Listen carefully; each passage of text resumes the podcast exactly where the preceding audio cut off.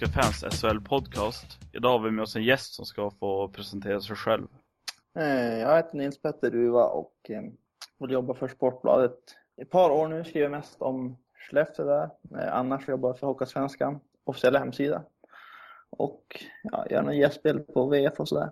Yes, och med formalen överstökat så kör vi direkt på. Vi inleder med Modo och Anders Forsberg som har gått riktigt bra nu i slutet. Vad skulle ni säga att det beror på? Ja, eh, han har ju, han började lite trevande Modo men eh, de eh, kom igång ganska bra där. Eh, tycker de har en bra mix av ungt och gammalt. Eh, sen har de även fått in Kyle Komiski nu sista fem, sex matcherna som har höjt upp deras försvarsspel en aning där också. Eh, så ja, jag tycker de har en spännande mix Modo. Även nu har eh, transatlanterna vaknat till livet lite grann. Ja, precis som, som Simon säger här så får man ju säga att de här amerikanerna då, som har kommit in och hade väldigt höga förväntningar på sig inför, de har ju verkligen växt i kostymen här nu den senaste tiden och det har ju förstås en stor grund i, i att det gått så bra då för dem med tanke på att det gick så pass dåligt som det gjorde till en början. Sen eh, får man ju också, precis som Simon sa, att Kyle Komiski är, eh, att, att han kom, det, det känns ju, ja, det är ju fruktansvärt bra för dem. Han, han har ju vis, visade ju sin potential redan förra säsongen. Så. Sen tror jag att Modo, eh, om man kollar på deras lag så har de nog ett, ett alltså på pappret ett, ett lag för topp 6. Jag var kanske mer överraskad över att det gick så dåligt i början. Att de, jag vet inte var de ligger, de ligger femma, sexa. Att det gick så dåligt i början i alla fall, mer överraskande att det gick som går bra nu. Sen vet jag inte, men jag har för mig att det gick lite tungt för Skellefteå i början också när Anders Forsberg var tränare där. Det är inte lika tungt, men alltså det är, jag vet inte om det är någonting i det, men det är en ny, ny spelidé och så vidare som kan sätta sig. Han har en ganska unik eh, spelidé, Anders Forsberg, som han försöker sätta och det är klart det kan ju ta lite, lite tid innan man får det inpräntat. Speciellt om man har haft en kanske lite defensivare spelstil, spelstil innan.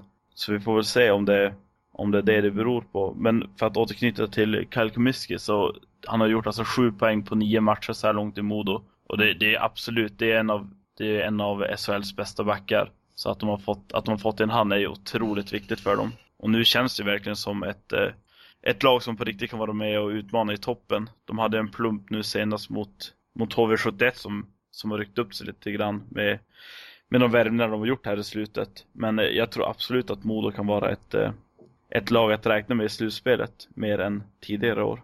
Jag skulle till och med säga att Kumisi kanske är, kanske är den bästa backen överhuvudtaget i elitserien. I alla fall om man ser till fjolårssäsongen så var han, var han det tycker jag. Sen är frågetecknet är väl fortfarande, alltså nu har Ullmark och Ander, eh, Anton Forsberg bra i målet men eh, kan de hålla upp det här spelet över tid får man säga. Det är ändå så pass unga att det är ett frågetecken. Jag måste säga att jag tror ändå på, på Ullmark och Forsberg faktiskt. De, jag var också så väldigt frågande inför det här. Det kändes som att det var, ja, att ha två så unga målvakter kanske inte var det riktigt eh, som man behövde men eh, de har ju varit fruktansvärt bra båda två och eh, ja, jag tror båda två ligger precis i toppen av målvaktsligan också vilket är ganska anmärkningsvärt. Det har ju varit eh, det man skulle kunna tänka dessa killar så här Eh, att de har haft två så pass unga målvakter. Men eh, Anders Forsberg gick ju tidigt ut och sa att, eh, att bägge målvakterna var landslagsklass. Och då var det kanske inte så jättemånga som trodde han. Men när kollar man till deras procent nu. Linus Ullmark ligger på 95 procent och, och Anton Forsberg på 93. Frågan är, jag tror överlag i grundserien tror jag de kommer hålla. Sen beror det vem som får ta första spaden framåt eh, slutspelet där om han kan, kan hålla upp spelet även där. Det är väl det stora frågetecknet enligt mig orutinen kan ju lysa igenom där så att eh, det ska bli spännande. Men jag, jag, tror på, jag tror på Modo i år. Det blir inte guld, men det blir, det blir semifinaltorsk, är min gissning. Jag tänkte på det också förresten. Gustav Possle blev ju skadad här nu sist och han har ju varit eh, lagets poängbäste spelare. Är det, är det någon som har något uppdaterat kring han? Han är väl tillbaka, är han inte? Nej, det tror jag. Han fick ju tacka nej till det här U20 nu. Eh, ja, jag tror han är borta ett, ett tag på vad jag läst i alla fall. Det var väl då knä eller något som hade tagit lite skada. Eh, men eh, ja, han, det är dels är viktigt om man skulle få med i JVM där, men sen så är det även Modos bästa målgörare också. Så ska man bort ett tag så är det ett tapp. Men var det senaste match, när var det han var skadad? Nej, jag ser dem mot HV. Jag läste på allehanda.se nu att eh, hans agent Christian Sjögren har sagt att eh, ledbandet klarar sig från smällen. Och det är ju väldigt positivt i så fall. Sen vet jag Modo uttalas väl inte om skador eh, särskilt mycket. Det är väl mycket locket på där så det är lite svårt att veta liksom exakt hur det ser ut. Mm. Eh, han har fortfarande spelat 18 matcher för, för eh, Modo enligt Elite Prospects i alla fall. Så att eh, på, efter 19 omgångar. Så att eh, ja, jag, jag är faktiskt inte fullt påläst om det där. Om hur det ser ut för han. Men eh, det är ju en otroligt viktig spelare för laget. Som har plockat så mycket pengar och så pass ung. Och det är ju någonting, om vi ska återknyta igen här då till, till Anders Forsberg. Någonting han har varit otroligt duktig på att göra. Han lyckas ju väldigt bra med det i Skellefteå. Och det ser ut som att han håller på att lyckas eh, väldigt bra här i Modo också. Är det något karaktäristiskt för, för Forsberg skulle du säga? Uh, nej men det är väl det att han, han är ju väldigt bra, jag tror det var det Nils skulle gå in på här nu också, att han är ju väldigt bra på att få fram unga spelare.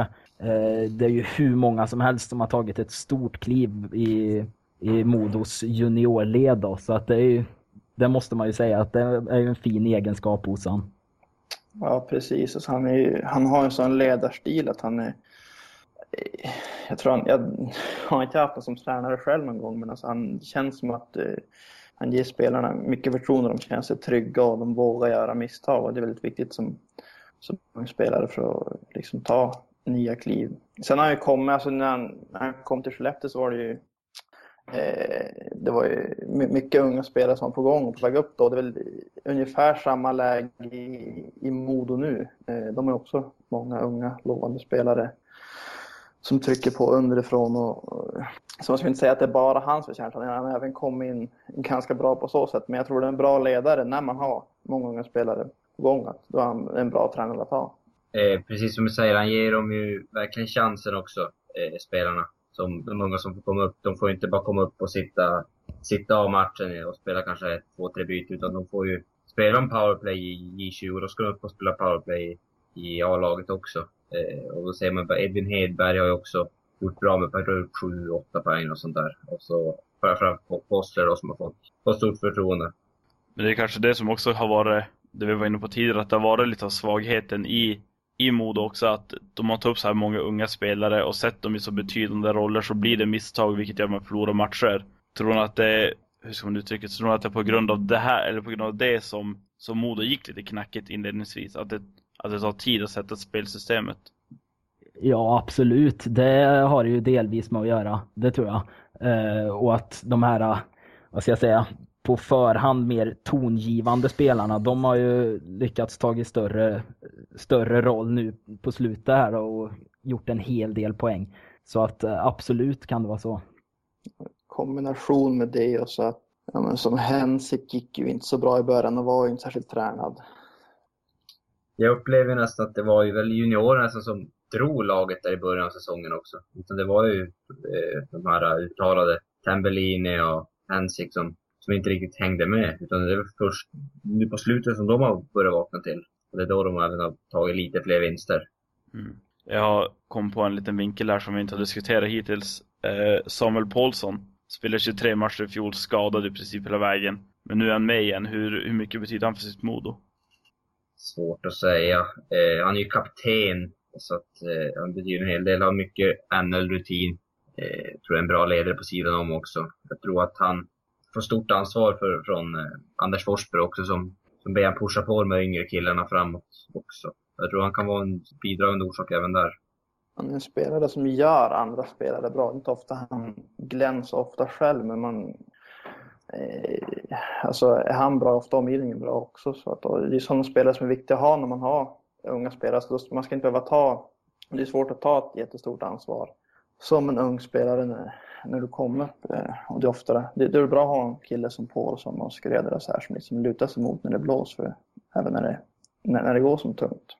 Ja, eh, jag vill minnas att Paulsson har spelat en hel del med Possler och jag kan ju tänka mig att det är ganska bra för en sån kille att ha, att ha Paulsson bredvid sig. Eh, som bidrar med väldigt mycket rutin och så förstås. Han har ett gäng matcher i NHL och har gjort en, han har haft en ganska hyfsad karriär nu innan han, innan han återvände till Modo. Så att, eh, men jag tror absolut det är en otroligt viktig, viktig del att ha han och luta sig mot.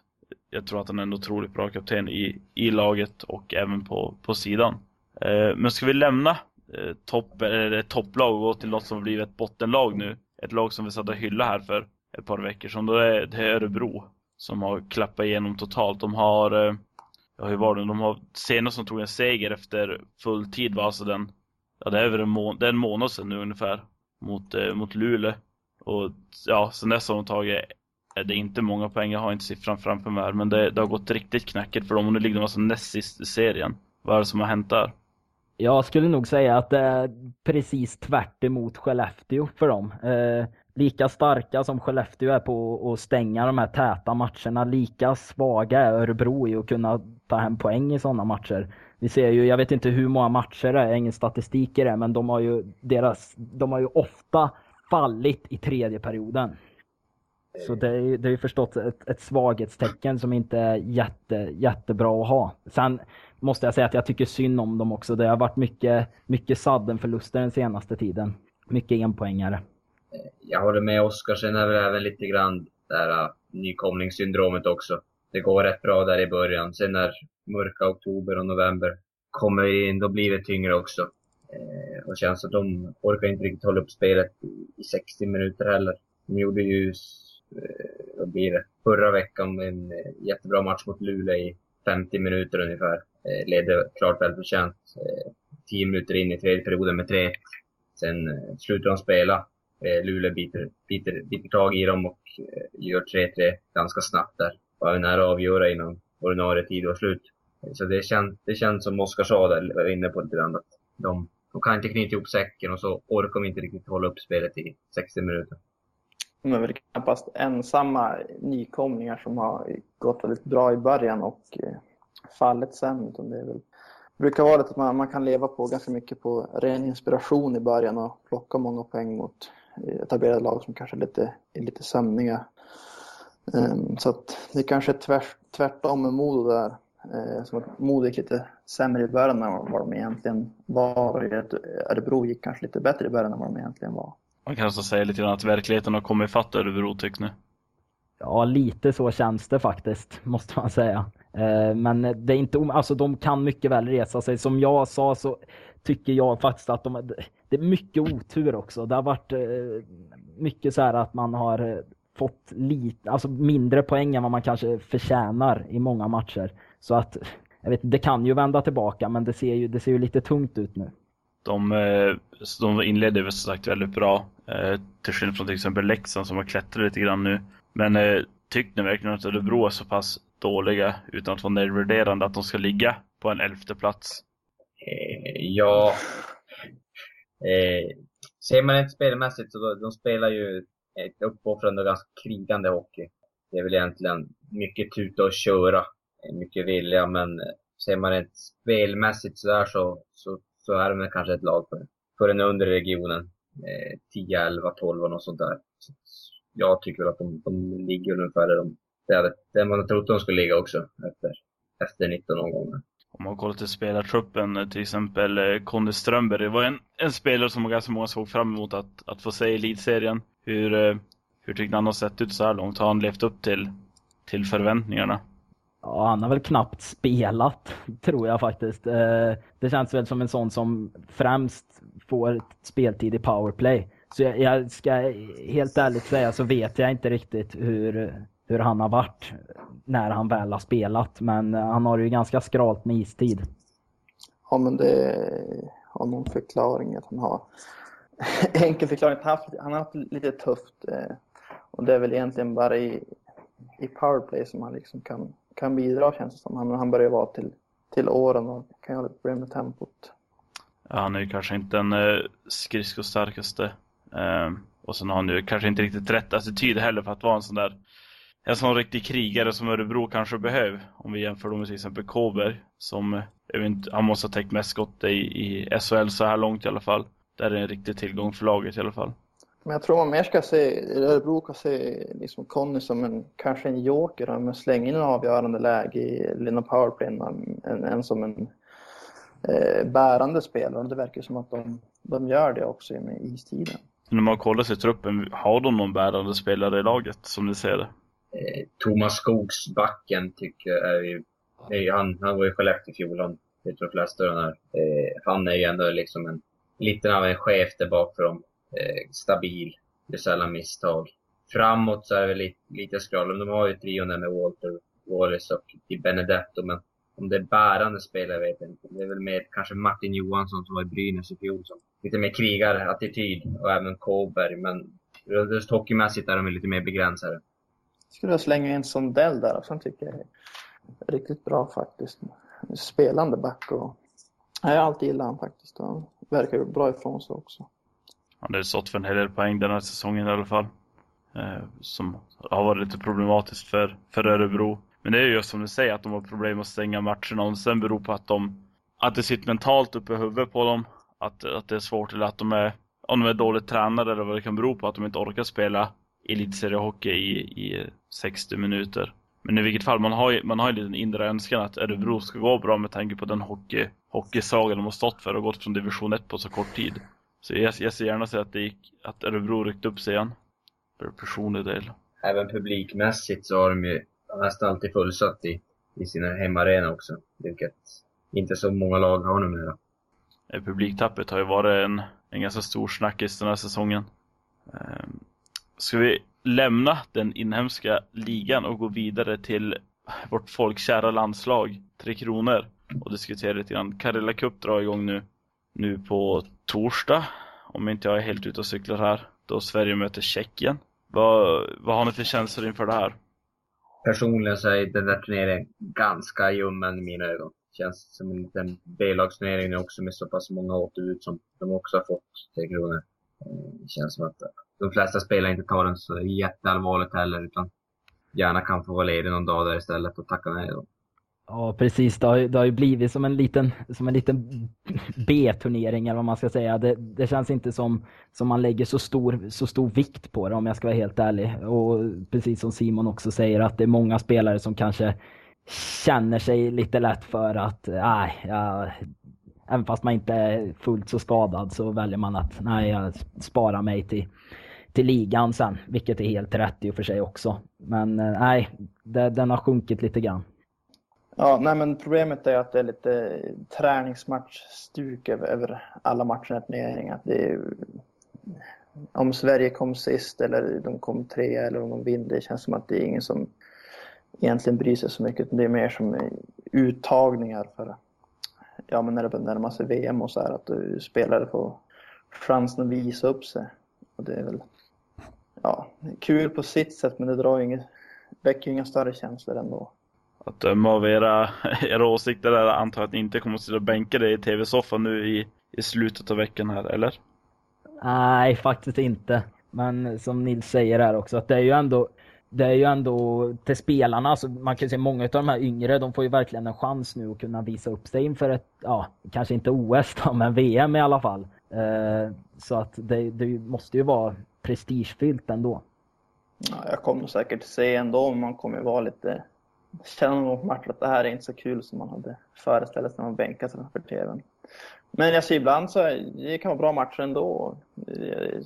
Jag tycker, att, jag tycker att det kan vara ganska kul att se på liksom. Men eh, för den stora massan tror jag inte. Eller är det bevisligen ingen turnering som lockar något större intresse.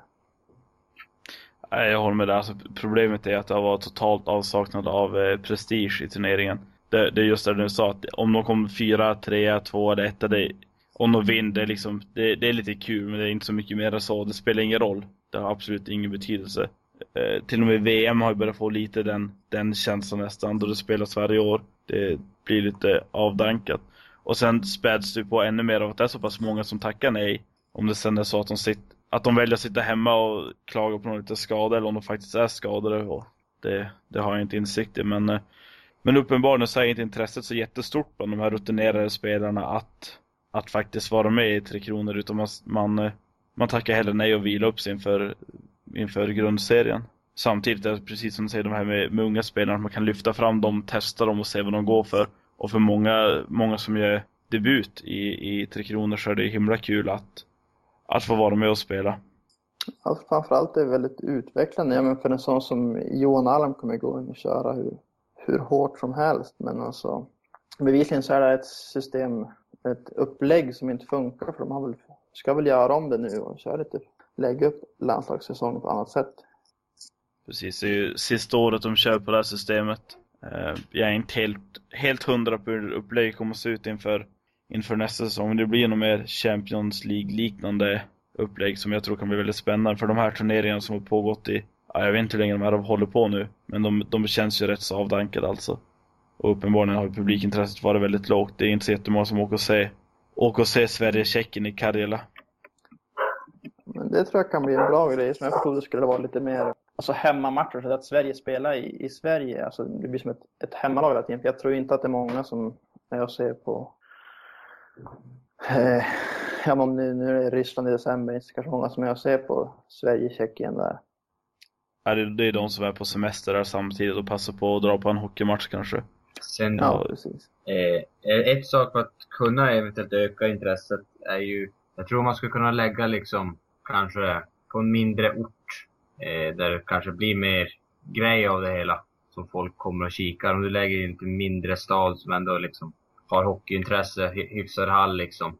Eh, så tror jag att folk liksom bara i nyhetens behag skulle få och kika eftersom de aldrig annars har möjlighet att se ett landslag. På så sätt skulle man kanske även knytas ut till lite mer, till exempel i Sverige då, eh, visa sig lite mer runt om i Sverige istället för att bara vara i de här storstäderna.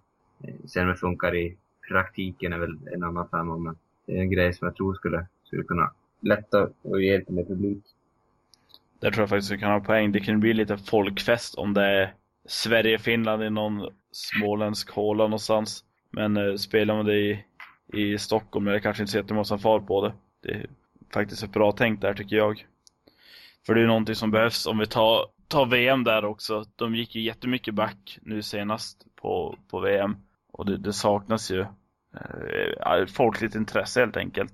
Och ant, antingen måste man måste göra någon förändring för det är, en, det är inte en hållbar situation. Så att antingen måste man öka, öka intresset på något sätt eller, eller göra så att inte VM spelas varje år. För, för som jag känner så är det rätt så prestigelöst det med. Ja, det, beror, det är lite synd att det beror på...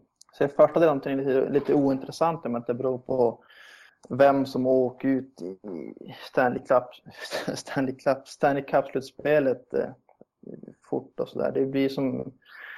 Det kanske inte är så mycket på isen som avgör hur det går i gruppspelet. Nu fick Tre Kronor loss dinarna och det, men utan dem hade de aldrig vunnit Stanley, VM-guld. Så enkelt är det ju. Nej, alltså det är absolut sant. Det, det spelar ju otroligt stor roll vad som händer borta i vad som händer borta i NHL. Eh, skulle till exempel Detroit åka ur tidigt och vi fick hit fick hit halva Detroit så skulle säkert intresset öka en del. För då kom så många superstjärnor hit. Eller om till exempel Rangers skulle åka ut och Henke Lundqvist kom hem. Han skulle nog förmodligen dra lite publik också. Men det, det, jag, själv är jag för att, eh, att spela VM kanske vartannat år eller någonting. Istället för varje år som det är nu. Det känns Mm. Nej, det känns inte riktigt som det är hållbart. Just nu i VM, jag sitter ju hellre till exempel och ser Schweiz spela än vad jag ser Sverige spela. Bara för att det är ett lag som faktiskt spelar för någonting. Till skillnad från, från de här stornationerna som inte riktigt, kanske inte riktigt bryr sig om hur det går. Mm. Nej, det... Och sen nu blir det ett, ett... Frågan är hur många som vill komma och spela, eh, komma och spela VM i år nu när det var OS i, i februari. Så det gör, alltså i alla fall OS-år tycker jag kanske att man, då ska man skippa Jag håller också med om att eh, vartannat år är bättre, men det där är en ekonomisk fråga, tyvärr. Mm. Så är det med allt. Nej, men jag skulle säga det att det känns lite som, som att det blir som en lite som en lottodragning egentligen. För vissa lag kan ju ha väldigt tur med det här att eh, man, får, man lyckas få hem väldigt många bra spelare i och med att ett lag åker ur Stanley Cup då, som till exempel Sverige skulle ju kunna ha väldigt tur med om Detroit och Vancouver åker ur. Men eh, som ni säger också, som när det är ett OS-år, då, då kanske inte intresset är lika stort faktiskt. Så jag vet inte, man kanske i alla fall dessa år skulle kunna slopa det. Nej, jag håller med om det. att Just när det är ett OS-år så kommer nog VM kännas ljummare än någonsin. Att, om vi ska då spela vidare lite grann på det här bara på OS. Vad tror ni om Sveriges eh, chanser då det kommer till OS? Nu är inte trupper och sånt klara än, men man har väl en ungefärlig hum om hur maktbalansen i hockeyvärlden ser ut. Nej, men topp fyra tror jag man har chans att, eh, att bli. Det känns så i alla fall sett i, sett i truppen är. Det är väl, igen, som det känns just nu så är det ju Sverige, USA, Kanada och Ryssland som kommer ha de starkaste lagen. Men sen vet vi inte, Schweiz till exempel har ju, har ju kommit upp rejält, såg vi om inget annat i VM då. Så att, men det, det kan bli några jokrar, men som det känns just nu är det de som är de fyra starkaste nationerna. Ja, det är helt klart de fyra det handlar om på förhand. Men sen, som du säger så blir det alltid lite överraskningar. Eller, som förra året var det Slovakien som inte riktigt, riktigt bra var väl till och med nära att kvittera där i, i semifinalen mot Kanada på eh, men eh, jag skulle säga att Sverige har väl, nu har ju Lundqvist börjat spela upp sig Rangers också, så de har en riktigt bra målvakt och de har nog kanske, ja, kanske den bästa backsidan. Och även forwardsidan ser ganska stark ut i alla fall. Spetsen, så det är väl, mm, de har, jag skulle säga att de har ganska bra chans att gå hela vägen till dem faktiskt. Jag måste bara flika in där om Schweiz. Att de gick bra i VM är en sak. Eh, det är kanske just lite det med prestigen, att de faktiskt har någonting att spela för. Medan Sverige inte riktigt hade det på samma sätt. Och jag tror inte att Schweiz kommer gå lika bra alls i, i ett OS. Och de kommer inte kunna vara med och utmana topplagen när det kommer till slutspelet där. I grundserien visst så kan det alltid komma sådana skrällar innan man är samspelta men Men sen så, ja, de, de har nog ingenting där att hämta, det tror jag inte. Nej, det tror inte jag heller. De, de har ju för, alldeles för klent lag för att kunna stå sig mot de här topp fyra som vi nämnde. Då. Det har de ju. Men eh, i grunden, man, det finns ju lag som kan skrälla, absolut. Precis som vi sa här, att Slovakien till exempel förra, förra OS, det var ju nog säkert ganska få som förutspådde att de skulle slå ut Sverige. Jag vet inte, jag kommer inte ihåg, men Schweiz gick väl ganska bra i, i gruppspelet i, i OS förra, förra gången också, för mig. Hiller stod på huvudet där mig. Alltså, Schweiz är ju en nation på väg upp och de kan ju absolut vara med i, i grundserien. Men sen då det väl kommer till slutspel så nej, jag har svårt att säga att de ska slå Sverige, Ryssland, USA eller Kanada. Ja, nej. Så det finns ju. Nej. nej. förlåt, det finns ju alltid, alltid lag som till exempel Tjeckien. Eh, även om de har tappat en hel del på senare år så har de ju ändå en viss spets där som, som man inte riktigt ska underskatta känner jag. Har Tjeckien en bra dag så kan de slå alla. Eh, så är det ju absolut. Normala förhållanden så är det väl de där fyra du nämnde också. Sverige, eh, USA, Kanada och Ryssland som är är väl de stora fyra elefanterna. Sen har vi några som skuggar i bakvattnet. Det är Finland, eventuellt Slovakien och Schweiz som de kan vara med och, och hota det. Men jag, tror att det, jag tror att det blir en, en final mellan Sverige och Ryssland. Det är inte ett helt omöjligt tips att ha där Simon. Eh, jag vet inte om vi hade så mycket mer att ta upp idag eller om vi ska ta och tacka för oss om ingen vill flika in med en sista kommentar. Nej, Jag känner mig rätt nöjd får jag säga. Då kör vi på det. Då tar vi och tackar för oss och så hörs vi igen på två veckor. Tack och hej! Tack, tack.